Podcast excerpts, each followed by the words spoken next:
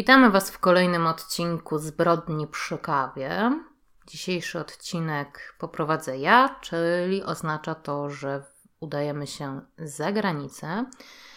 I tak jak obiecałam Wam tydzień temu, dzisiaj wybieramy się w miejsce, gdzie nas jeszcze nie było.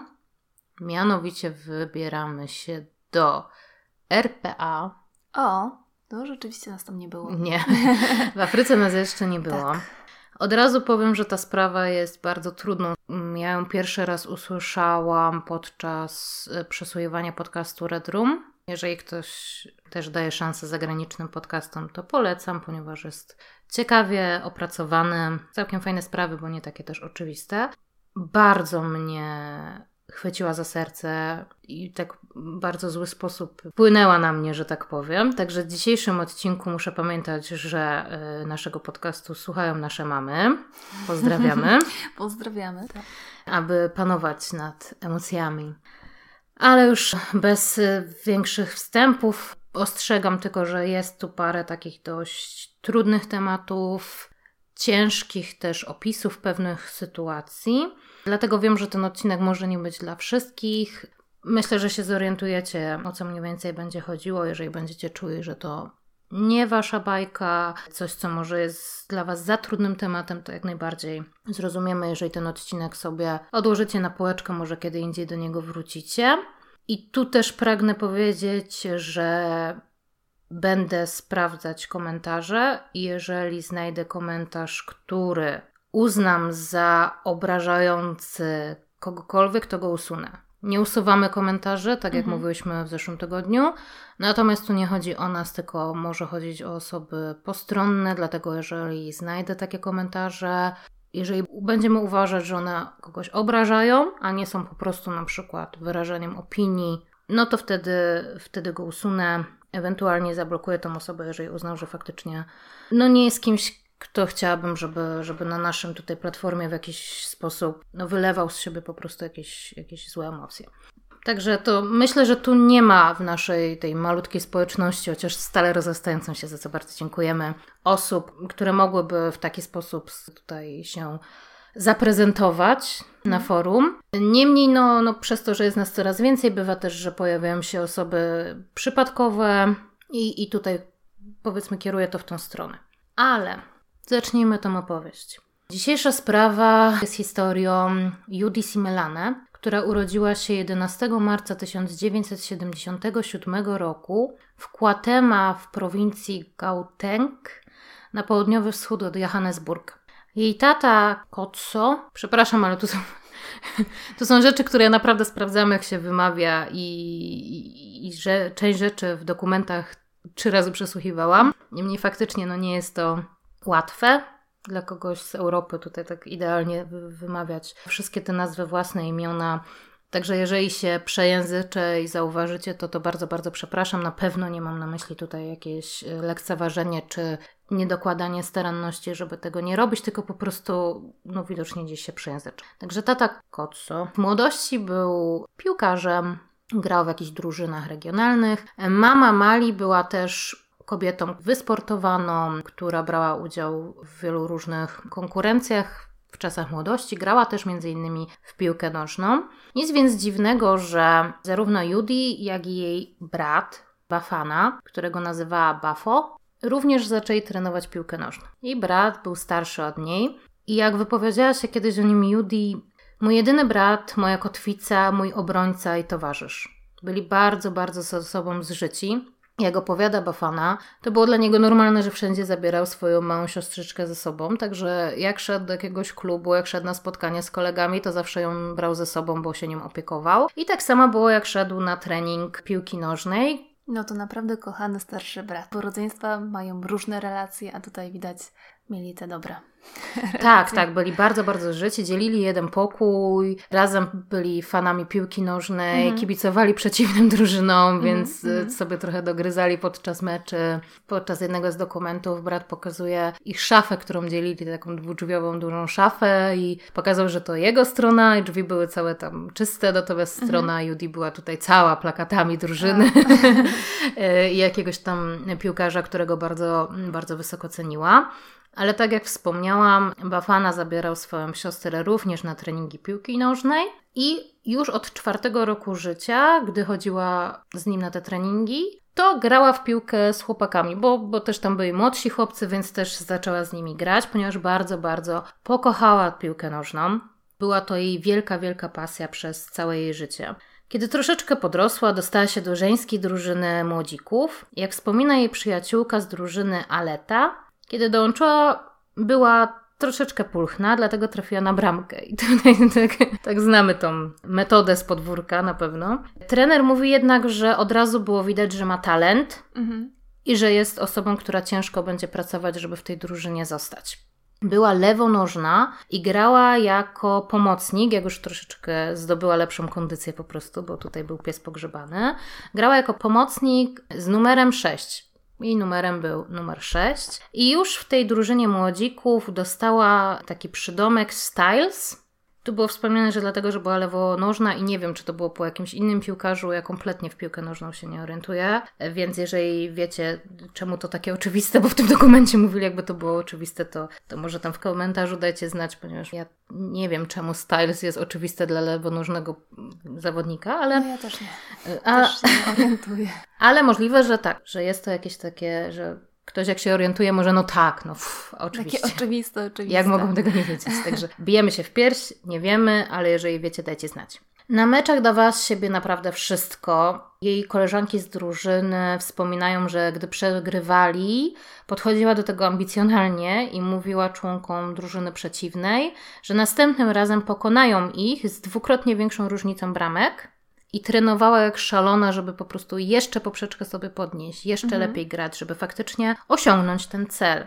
Tak jak wspomniałam, futbol był jej wielką, wielką pasją i miłością. Wstawała codziennie o 5 rano, szła na siłownię, a potem na trening. I tak właściwie ona żyła tylko tą piłką nożną.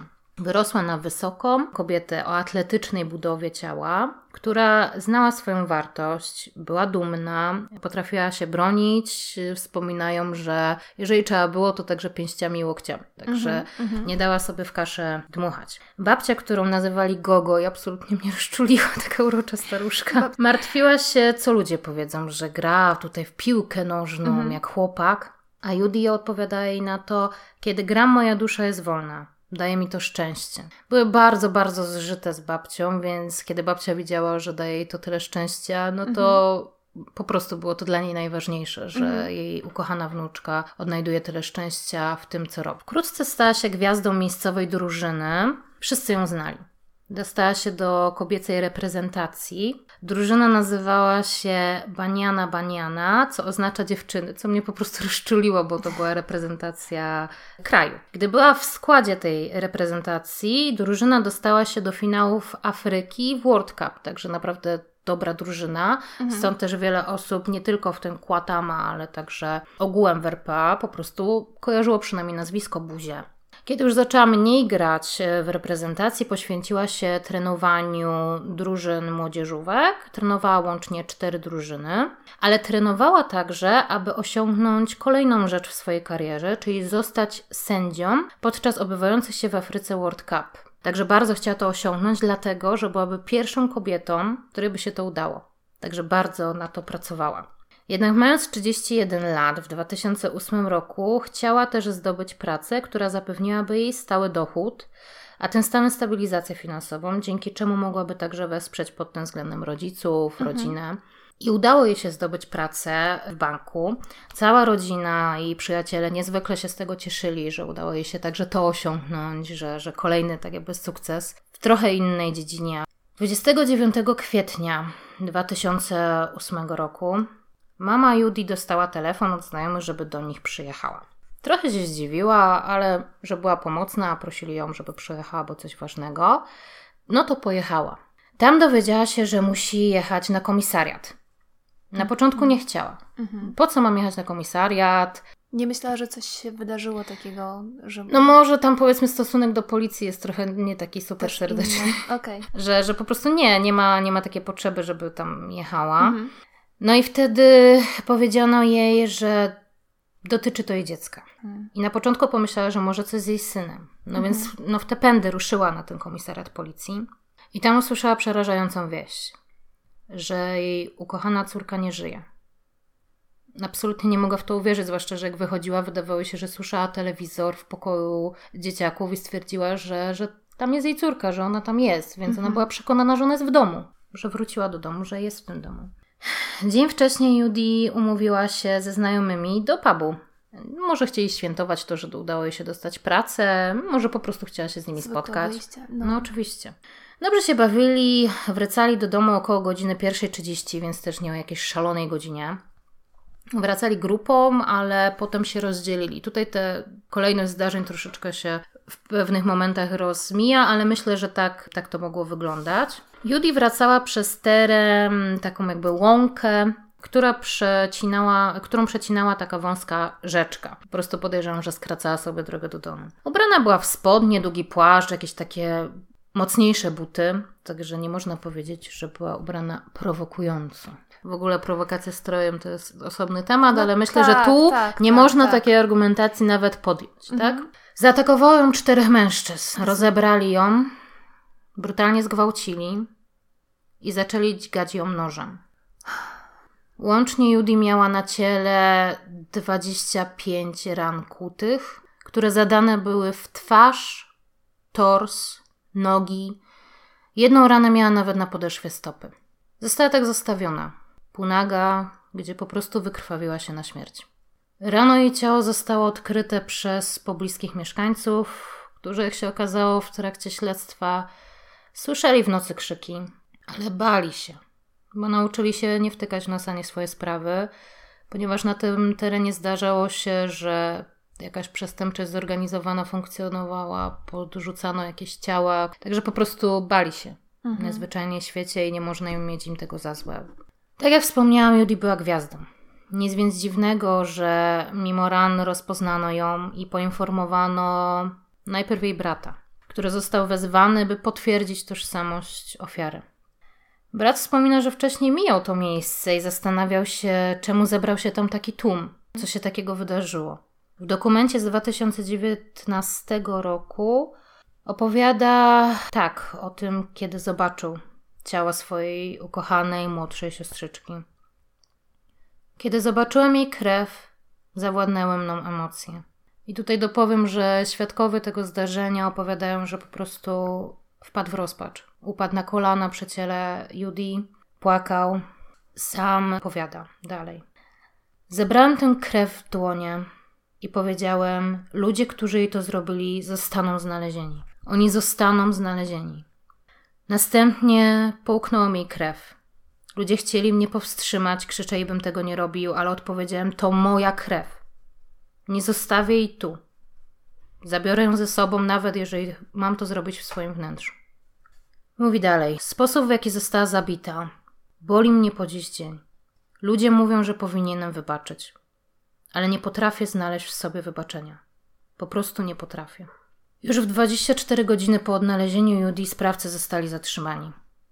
Ich pierwotna wersja wydarzeń brzmiała tak, że po prostu spotkali Judy w tamtym miejscu, postanowili ją okraść. Gdy okazało się, że nie ma pieniędzy, stwierdzili, że w cudzysłowie sobie pozwolę powiedzieć, w zamian widocznie ją zgwałcą ale w trakcie rozpoznała jednego z nich, więc postanowili ją zabić.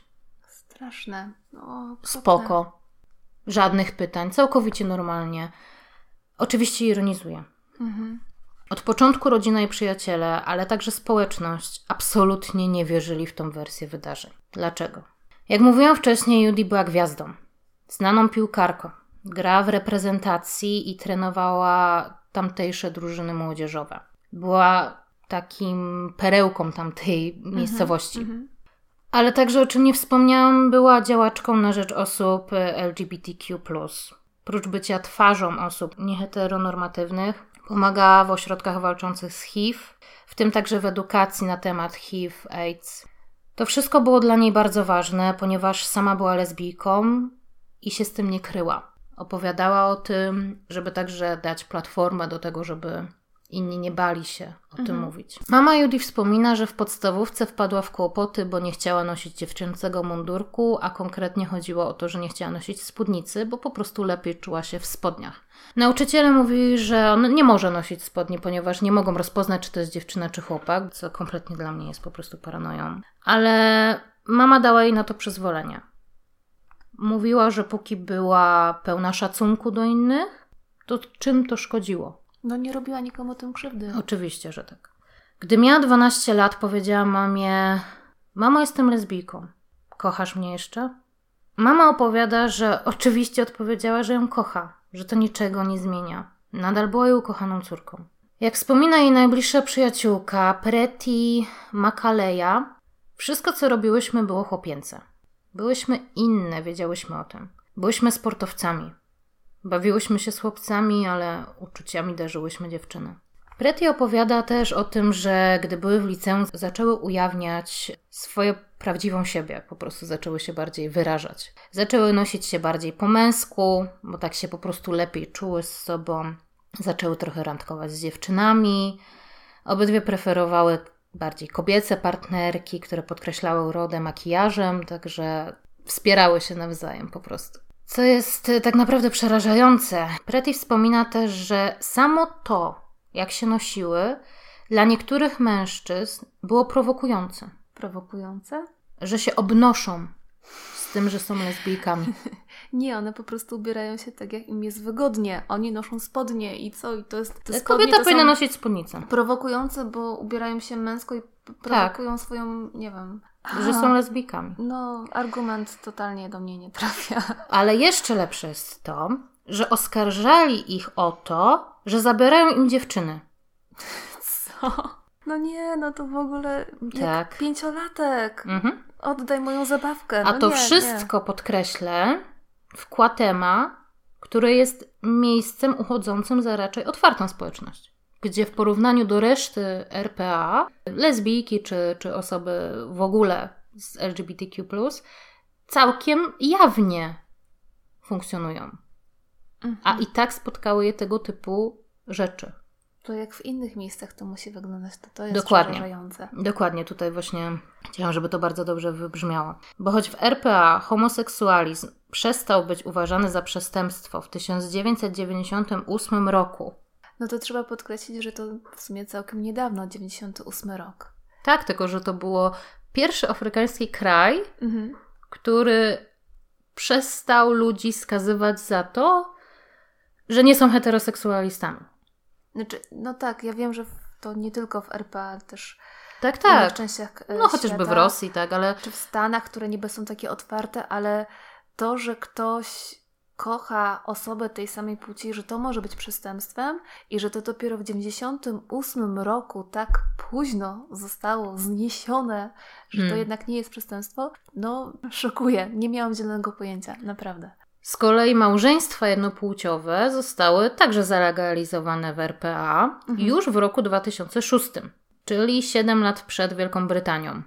Ale jak podsumowuje tata Judy, który brał udział w apartheidzie i, walkach za tą młodą demokrację, jest to demokracja, która dopiero się rodzi i wciąż dużo trzeba naprawić. I niewątpliwie tak jest, ponieważ jedną z tych rzeczy jest podejście do gwałtów.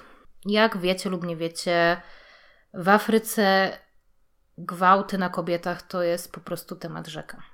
Jak podawano w jednym z tych dokumentów, to akurat były dane na temat RPA, które, jak widzimy, jest tak całkiem progresywnym krajem afrykańskim.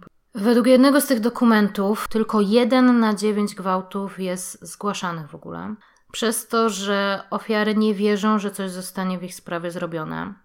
I w sumie nic dziwnego, skoro szacuje się, że w latach 2009-2010 tylko jedna na siedem spraw zgłoszonych trafiła w ogóle przed sąd.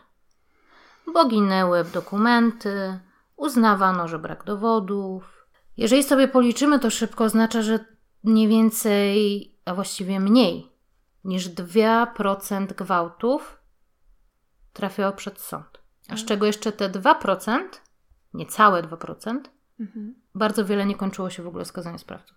No to nic dziwnego, że te osoby, które doświadczyły gwałtu, nie były przekonane do tego, żeby zgłaszać, bo po pierwsze na nowo musiały otwierać Mhm. ranę i opowiadać o tym, co się wydarzyło. Temu na pewno towarzyszy duży wstyd, Mhm. że taka sytuacja w ogóle im się przytrafiła. No i jeszcze to, że mają małe szanse na to, że w ogóle sprawa zostanie rozpatrzona i że trafi do sądu i że osoba odpowiedzialna za to zostanie skazana, jest, no jest to bardzo nikła szansa. No to rzeczywiście, no nie dziwię się, że te osoby po prostu nie chcą przez to przechodzić. Dokładnie, zwłaszcza, że za chwilę będą z tą osobą funkcjonować, która Tak, stanie przed sądem, tak. zostanie uniewinniona, mimo że wie, co zrobiła, więc nie wiadomo, co zrobi i dalej. Straszne, naprawdę straszne. Tak. Wśród tych zbrodni, bo gwałt to nie jest tylko zbezczeszczenie czyjegoś ciała. To jest tak naprawdę poranienie mu duszy. Bo to jest najgorsze, co można zrobić. To jest zniszczenie jego duszy. No to jest trauma na całe życie. To jest takie przerwanie takiego bezpieczeństwa, które Tak. mamy. To jest naruszenie czegoś niewyobrażalnie delikatnego w nas samych. Mhm. Także gwałt jest jedną z najgorszych dla mnie przestępstw i nie ma żadnego usprawiedliwienia dla tego. Kompletnie, żadnego. Nie widzę podstaw, żeby się tego podjąć. Już nawet do zabójstw jestem w stanie, że ktoś, nie wiem, jakiś afekt w obronie Mhm, własnej, mhm, cokolwiek. Nie ma żadnego wytłumaczenia, dlaczego Nie, ktoś nie. gwałci kogoś innego. Nie ma, absolutnie nie ma, bo nie robisz tego w obronie własnej. Nie robisz tego dla czegokolwiek, co można by jeszcze jakkolwiek usankcjonować. Nie robisz tego w afekcie. Tak. No umówmy się, nie. Więc absolutnie, absolutnie nie. Wśród, tak jak wspomniałam, tych zbrodni pojawiają się tak zwane gwałty naprawcze lub korekcyjne, które dokonywane są głównie przez mężczyzn na lesbijkach i mężczyznach transpłciowych, aby przekształcić te osoby w osoby heteroseksualne. Aż mi się nie chce wierzyć. Nie, Tak. w ogóle Tak. robić komuś krzywdę pod płaszczykiem, że chce się tą osobę naprawić? Tak, magiczną różdżkę masz w spodniach, wiesz? No nie, no absolutnie. Tak, ale tak, moja mama tego słucha, więc mało tego. Dotyka też to rodzin osób, które się ujawniły. W jednym z tych dokumentów kobieta mówi, że jej dwie córki, dwie trzynastolatki, wróciły do domu, ledwo trzymając się na nogach, jedna drugą wspierała. Ona już z daleka, jak je zobaczyła, zaczęła płakać i powiedziała do swojej matki, chyba z którą żyła, zostały zgwałcone. I tak, zostały. Mężczyźni im cały czas mówili, którzy ją gwałcili, że zobaczcie, nie musicie być taka jak mama. Jezu, no nie. Poczujcie mężczyznę, jak to fajnie. To, dla mnie to nie jest człowiek, dla mnie to jest bestia, która robi Dokładnie. coś takiego. Jeszcze dziecko, niewinne, trzynastoletnie. Tak. Zjawisko gwałtów naprawczych czy korekcyjnych, jak zwamy, tak zwamy, absolutnie nic nie naprawiają, nic nie korygują, bo nie ma czego. Znane jest na całym świecie, to nie tylko tak, że jest w Afryce, więc tutaj też chcę to uprzedzić, że to nie jest tak, że tamto jest jakieś Mhm. dziwnie. Nie, to jest cały czas to funkcjonuje na całym świecie. W krajach takich jak Indie często chodzi o ratowanie honoru rodziny i zbrodnie te dokonywane są przez członków rodziny. Ale wiele jest doniesień o takich przestępstwach w krajach europejskich czy w USA. Niby te kraje takie rozwinięte. I tak, oczywiście też nie chodzi o to, że, że żeby tu też nie pojawił argument, że to są mm, pewnie imigranci. Nie. Mhm, mhm. Nie, absolutnie nie. I taką sprawą, która wydaje mi się w USA była bardzo, bardzo nagłośniona, nawet był taki film swojego czasu bardzo popularny o Brandonie Tina. Nie wiem, czy kojarzycie. Jeżeli będziecie chcieli, mogę zrobić y, o tym sprawę, ponieważ też jest to po prostu przerażająca historia. Także jeżeli będziecie chcieli, rzućcie znać w komentarzach, y, to kiedyś do niej wrócimy, jak troszeczkę po tej ochłonę. Nie tylko ty musisz po niej ochłonąć, bo wierz mi, że aż miałam gęsią skórkę. Po prostu najgorsze, najgorsze są zbrodnie na osobach, które nie mogą się bronić. Tutaj historia tej kobiety zaatakowanej przez czterech mężczyzn. Tak. No, No nie miała żadnych szans tak naprawdę. Albo ta historia tych trzynastolatek, no też Tak. słabsze dziewczynki. I Jaki to trzeba mieć tupet tak naprawdę, żeby czuć się tak utytułowanym, że możesz decydować o tym, co jest dobre, co jest złe. Czy ty jesteś jakimś Bogiem, żeby decydować o takich rzeczach, co jest dobre, a co jest złe? Że ty będziesz kogoś naprawiał? Jeszcze mówić tak, że ja tutaj robię dobrze, ja naprawiam. Tak. A tak naprawdę niszczę tą osobę. No nie, nie. Nie, absolutnie. No biorąc to wszystko pod uwagę, nic dziwnego, że rodzina, bliscy, przyjaciele, nawet ta społeczność nie wierzyła w to, że ta zbrodnia była przypadkowa, że śmierć Judy była po prostu przypadkiem. Że jest to po prostu kradzież, która, która wymknęła się spod kontroli. Po pierwsze, przypomnijmy, trudno uwierzyć, że sprawcy nie wiedzieli, kogo atakują, kto to mhm. jest.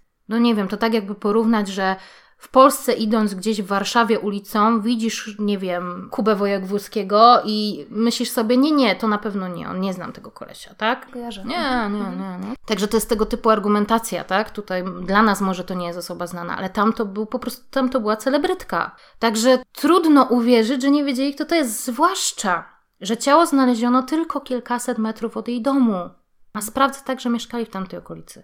Więc nawet przez to no tak, ją no, kojarzyli, kim ona jest. Widzenia. Dokładnie. Po drugie, brutalność tej sprawy, tej zbrodni. Ona poraża. Widać tu jakąś furię, złość. 25 ciosów, w tym też w twarz. Właśnie ja nie znam się na tych aspektach psychologicznych, ale wydaje mi się, że tutaj oni po prostu ich celem było zadanie bólu. Tak. I to od początku do Dokładnie. końca. I sponiewieranie tej osoby, tak. odebranie godności przez tak. sam akt, przez sam gwałt, plus jeszcze odebranie życia w tak drastyczny, bolesny sposób, zostawienie jej samej sobie, mhm. żeby tam. Bo... Na pół rozebraną, także też obnażone jej tak, ciało, tak? tak? Także tak. to też jest wystawienie jej na jakiś, w cudzysłowie, wstyd Poniżenie takie tak, absolutne. Dokładnie, mhm. dokładnie. Pierwszy sędzia, którego subtelnie określają homofobem, nie chciał uznać faktu, że orientacja seksualna ofiary miała jakikolwiek wpływ na przebieg zdarzeń. Mhm. Nie chciał tego uznać za zbrodnię nienawiści po prostu. Drugi sędzia jednak y, objął ten kierunek i było to brane pod uwagę, że to jest po prostu zbrodnia nienawiści. To dobrze, że pojawił się ten drugi sędzia. Tak, nie wiem w jakich okolicznościach, bo tutaj też tak niby jest trochę danych mm -hmm, i źródeł, ale nie ma też tak super ekstra dużo na temat takich szczegółów dotyczących właśnie tej rozprawy sądowej i tak dalej. -hmm. Także tutaj troszeczkę mi brakło informacji. Zatrzymano tych czterech sprawców, ale tylko dwóch udało się skazać. Dwóch tylko? Tylko dwóch, ponieważ uznano, że pozostałych dwóch nie ma dowodów. Dostatecznej ilości dowodów. No i mhm. no nie wiem, no.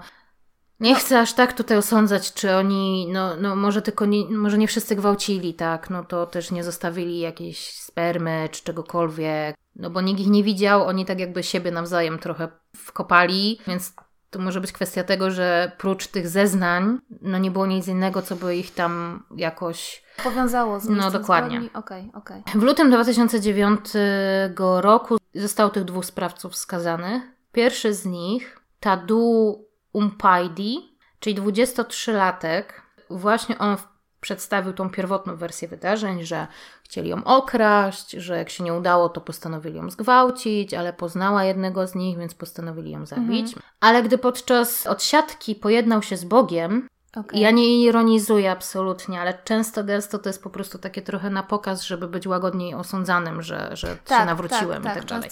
I to jest też mhm. szukanie takiego, nawet jeżeli nie przed wymiarem sprawiedliwości, no to przed tą siłą wyższą, przed Bogiem, który jeżeli będziesz czuł skruchę, no to jest ci w stanie wybaczyć. wybaczyć. Także to często też jest taka trochę egoistyczna pobudka do tego pojednania się z Bogiem.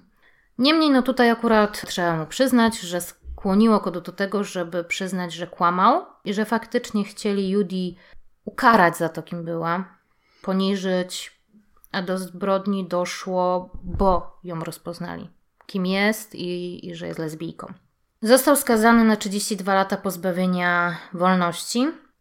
32 lata tylko? To moim zdaniem, jak na taką drastyczną zbrodnię połączoną z gwałtem, to jest dość niski wymiar kary, mm. tym bardziej, że 23 lata, no to, no to wyjdzie po 50, jak będzie mieć, mm. o ile nie dostanie wcześniejszego zwolnienia, bo, bo nie wiem, czy tam y, mm. mógł się ubiegać, czy nie. No, tu ale... nie wiem aż tak, wydaje mi się, że tu miało to, że on współpracował z policją. Aha, no I tak, on w sumie są, się przyznał. Są i... te łagodzące takie. Tak, no, tak, no tak, młody aspekty. wcześniej może nie był sądzony, przyznał się, współpracował z policją, bo on też tak jakby na, od samego początku mówił, że był tam, no i przedstawił jak przedstawił, ale jednak zeznawał, tak, i współpracował z policją, także Okej, okej. wydaje mi się, że tutaj może to wszystko było Może brane pod uwagę. skrucha.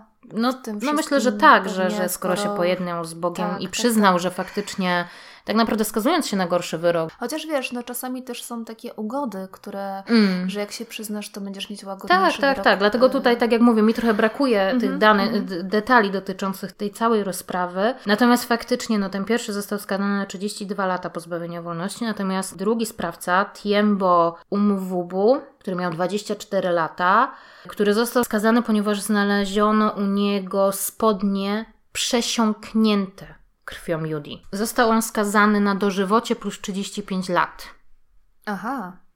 Także tutaj on zdecydowanie wyższy wyrok, także myślę, że może tamten nie miał jakichś śladów krwi na sobie, co, co sugerowało, że może jej nie dźgał. Mhm. Trudno mi tutaj Miał, po- może, tak, może miał mniejszy udział w tej Tak. zbrodni, ale z drugiej strony, tak jak mówisz, on współpracował, może ten nie współpracował. Myślę, że to wszystko troszeczkę. Ten na pewno nie jakoś specjalnie nie współpracował, ponieważ po rozprawie powiedział, że nie żałuje tego, co zrobił i nie zamierza przepraszać. Nie, to nie mam słów na takich, takich, takie osoby. Mm. Nie, nie rozumiem, absolutnie. Tata Judy mówi tak w tym dokumencie z 2019 roku, czyli Mhm. po 11 latach od Mhm. kiedy ta Mhm. tragedia miała miejsce. Do dziś to boli. Czasem myślę, że do jej zabójstwa doszło z zazdrości. Myślę, że tu też troszeczkę może być. Tak, kobieta, która, kobieta, która odniosła sukces, Tak. która się nie kryje z, ty, z tym, kim tak naprawdę jest, Tak. spełnia się w swoim życiu, no to może kogoś rzeczywiście zabolać. Mhm. W tym dokumencie także wypowiada się dwóch wujków Judy. Siedzą obok siebie i pierwszy z nich mówi tak. Wybaczyłem im. To, co zrobili, było złe. Ale kiedy jesteś dzieckiem, zachowujesz się jak dziecko. Nie jesteś dojrzały. Nie można oczekiwać, że zawsze będziesz robić to, co należy. Co? Z całym szacunkiem do wuja. Słucham?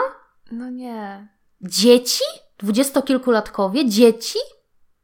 No To było nie. złe? Że... o, Złe to może być, nie wiem, że ukradli cukierki ze sklepu. Tak. Ale nie, że odebrali w tak brutalny sposób, poniżyli, sprawili wiele bólu, strachu, cierpienia tej biednej kobiecie, która po prostu spełniała się w życiu, była sobą i była z tego dumna, nie wstydziła się tego. Mhm. I tylko za to spotkała jej jedna z najgorszych śmierci, jakie można sobie wyobrazić. I to było, to było złe? Nie, no to, to absolutnie może mówił o kimś innym, bo... Nie wiem. Jedyne wytłumaczenie, które znajduję, które jeszcze trochę go broni, to, że Mhm. po prostu zna osoby tych dwóch pozostałych sprawców. Może się po prostu boi. Albo boi się, że ktoś to zobaczy, jak Mhm, wyjdzie. To... mhm. Nie wiem. No tak. Ja nie wiem, co to byli za ludzie, co to byli za mężczyźni, jakie oni mieli konotacje. To jest jedyne, co go broni przed tym, żeby po prostu stwierdzić, że on się z tym zgadza. Ale to lepiej, żeby się nie wypowiadał, bo... No nie, Bo po prostu ja nie wyobrażam sobie, żebym komukolwiek, kto skrzywdziłby kogokolwiek z mojej rodziny w taki sposób i to z takiego powodu, żeby po prostu stwierdzić: ojej, dzieci robią błędy. No nie. No i nie tylko takie są moje odczucia, ponieważ drugi wujek, który siedział obok, no to jak ten zaczął, to w ogóle spojrzał na niego zaskoczony. Widać było, że. Bo spojrzał potem na kamerę, tak trochę zlękniony, żeby może za dużo nie pokazać, ale podświadomie po prostu jego mowa ciała cały zesztywniał, lekko pokiwał głową, nie zgadzając się z tym, co on Mhm. mówi, ten pierwszy. I potem, jak się wypowiadał, do tego pierwszego wujka mówił. I ten drugi wujek powiedział tak: Nigdy nie zapomnę tego dnia. To, co zrobili Judy, świadczy, że nie mają serca. Nawet dziś, gdyby to zależało ode mnie, podwoiłbym im karę, bo gdybyśmy teraz spotkali ich na ulicy, to sprawiłoby nam to ból. No często jest tak, że rodzina, mimo że są wyroki, mimo że ta osoba została skazana, Mm. sprawiedliwości stało się niby zadość, to wciąż może odczuwać tą niesprawiedliwość, że ta osoba mimo wszystko żyje, będzie żyła w zamknięciu, to fakt, może do końca swoich dni, ale no tej ukochanej osoby nie ma, Mhm. że oni wciąż żyją, mogą się cieszyć tym życiem, przeżywać szczęścia różne, nawet wziąć ślub w tym więzieniu, kogoś poznać, cokolwiek, Mhm. tak ta osoba, ta druga nie ma takiej możliwości. I to mimo wszystko dla tych rodzin jest ta sprawiedliwość, ale też wciąż niesprawiedliwość. I tutaj chyba w tym przypadku ten wujek też między innymi miał to na myśli. Myślę, że tak. Co jeszcze mnie po prostu zmroziło, to że sprawcy, którzy zgotowali tak straszną śmierć Judy, to byli pierwsi sprawcy, którzy w ogóle zostali skazani za tego typu zbrodnie, w sensie zbrodnie na tle nienawiści, za ten gwałt korekcyjny, mhm. za zabicie osoby nieheteronormatywnej, bo do tamtej pory po prostu takie sprawy nie istniały teoretycznie. Zamiatano pod dywan? Tak. Śmierć Judy wprowadziła jakąś zmianę, jakiś przełom, przetarła jakieś ścieżki, jakiś precedens. By uczcić pamięć Judy, grupa Equality, czyli równość, wybudowała symboliczny mostek na rzece, niedaleko miejsca, gdzie straciła życie Judy. Chodziło o to, że Judy zawsze walczyła o to, żeby połączyć społeczność LGBTQ z pozostałymi osobami, żeby ją włączyć do społeczności, żeby nie była wyizolowana. Także taki symboliczny mostek powstał. Na boku tego mostka jest podobizna Judy, data jej urodzenia, śmierci, to, że grała w tej drużynie Baniana Baniana oraz w innych drużynach, w których grała, także jest to jakiś taki memoriał na jej cześć. Mama Judy wraz z duchownym kościoła metodystów, do którego należy, należała, aż do swojej śmierci, która nastąpiła w 2019 roku, walczyła o to, aby członkowie kościoła i społeczności postrzegali osoby LGBTQ jako równe sobie stanowiącą wa ważną część społeczeństwa. Pan Matsepe, czyli duchowny, o którym wspomniałam, mówi: To otworzyło oczy wielu i zmieniło podejście do osób LGBTQ. Także mama Judy w taki sposób uczciła pamięć swojej córki, aby dalej walczyć o to, co ona walczyła za życia. Podobny cel mają coroczne wykłady ku pamięci Judy Simelane, które tworzone są przy pomocy członków rodziny, tutaj szczególnie jej brat bierze w tym udział, oraz kilka fundacji. Głównie chodzi o fundację Ujama, która działa na rzecz uzmysłowienia ludziom, że osoby LGBTQ to nie odmieńcy, a część codzienności. To twoja sąsiadka, z którą się codziennie witasz, to kierowca autobusu, którym dojeżdżasz do pracy, znajomi ze szkoły czy kumple z podwórka. Drugą fundacją, która, która bierze udział w tych wykładach, przy tworzeniu tych wykładów, jest Fundacja Other.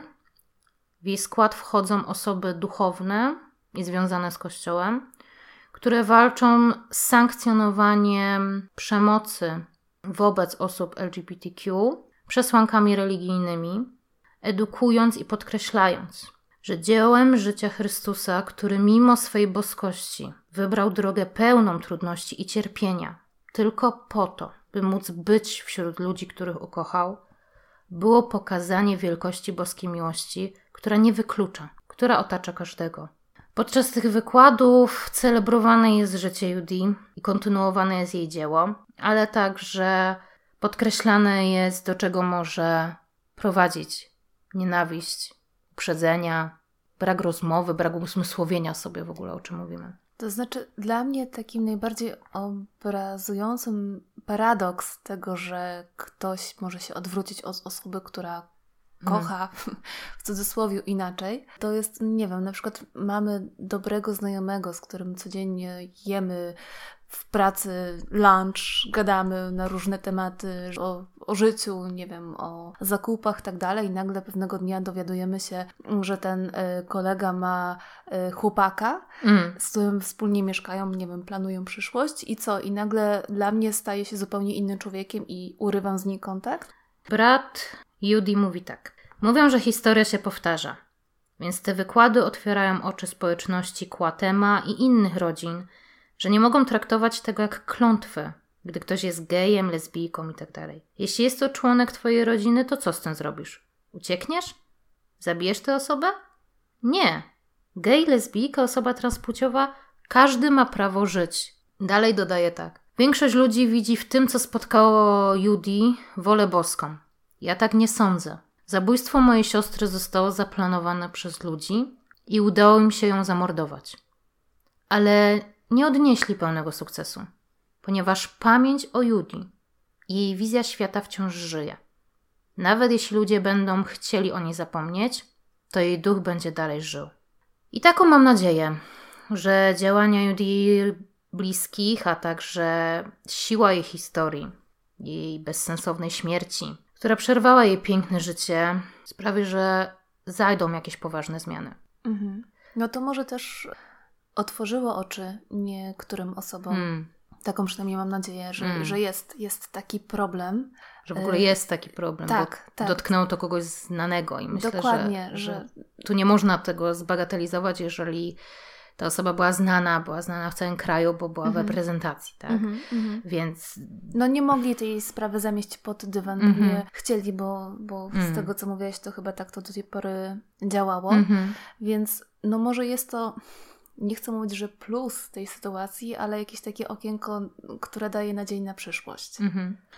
No te zmiany są potrzebne, bo przygotowując się do tej sprawy natrafiłam na krótki materiał z 2015 roku, więc parę lat do tyłu. Mam nadzieję, że teraz może to trochę inaczej wygląda.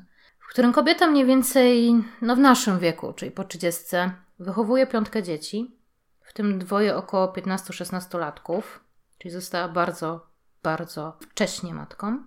Wszystkie jej dzieci są wynikiem gwałtów, bo gdy mężczyźni w jej społeczności odkryli, że jest lesbijką, postanowili ją uleczyć. Jak sama stwierdziła, stało się to ich hobby. Teraz boi się dotyku, boi się związać z kimkolwiek, także miała okazję związać się z partnerką, ale kompletnie nie umiała funkcjonować. Cały czas marzy o tym, że jednak kogoś znajdzie. Ale to wszystko jest nic w porównaniu do tego, jak boi się o swoje cztery córki. Praktycznie nigdzie ich samych nie puszcza. Tam był taki fragment, że te dziewczynki brały udział w jakimś takim nie wiem, święcie, festynie, w koraliczki były ubrane i tam śpiewając tańczyły i szły ulicą. Co mnie przeraziło, matki szły za nimi z kijami, żeby w razie jakby któryś mężczyzna chciał je zaatakować, żeby obronić swoje córki. To było w środku dnia. Straszne, niewyobrażalne. Absolutnie cały czas mam gęsią skórkę, bo tak. to są takie emocje teraz. Tak. To, co czuję, że no, w najgorszych koszmarach sobie mhm. nie wyobrażam Dokładnie. takiej sytuacji. Powiadała dalej, że wielokrotnie chciała się zabić, ale nie mogła i nie chciała zostawić swoich dzieci, bo jak podkreśla, nie są winne za to, co zrobili ich ojcowie. Ja przyznam szczerze, że to był bardzo krótki materiał. Mhm. Tam chyba 15 minut trwał. Ja połowę przepłakałam, mhm. bo po prostu serce mi pękało. I myślę, że na koniec tych historii Judy, ale też innych kobiet, które takie reprezentuje, których też dotknęła taka tragedia, przytoczę tutaj taki, taką wypowiedź piłkarki, która w 2003 roku została porwana i zgwałcona przez grupę mężczyzn. Oczywiście jest lesbijką, dowiedzieli się o tym, postanowili ją naprawić. I ona o swoim życiu opowiada tak. Każdego dnia czujesz, jakbyś był w pobliżu bomby, która może wybuchnąć w każdej chwili. Nie masz wolności. Nie możesz się swobodnie poruszać. Nie masz przestrzeni, by robić to, co chcesz. Ciągle boisz się o swoje życie i czujesz się ograniczany. Jako kobieta, jako lesbijka, musisz być ciągle świadoma, że fakt jest taki, że Twoje życie jest w ciągłym niebezpieczeństwie.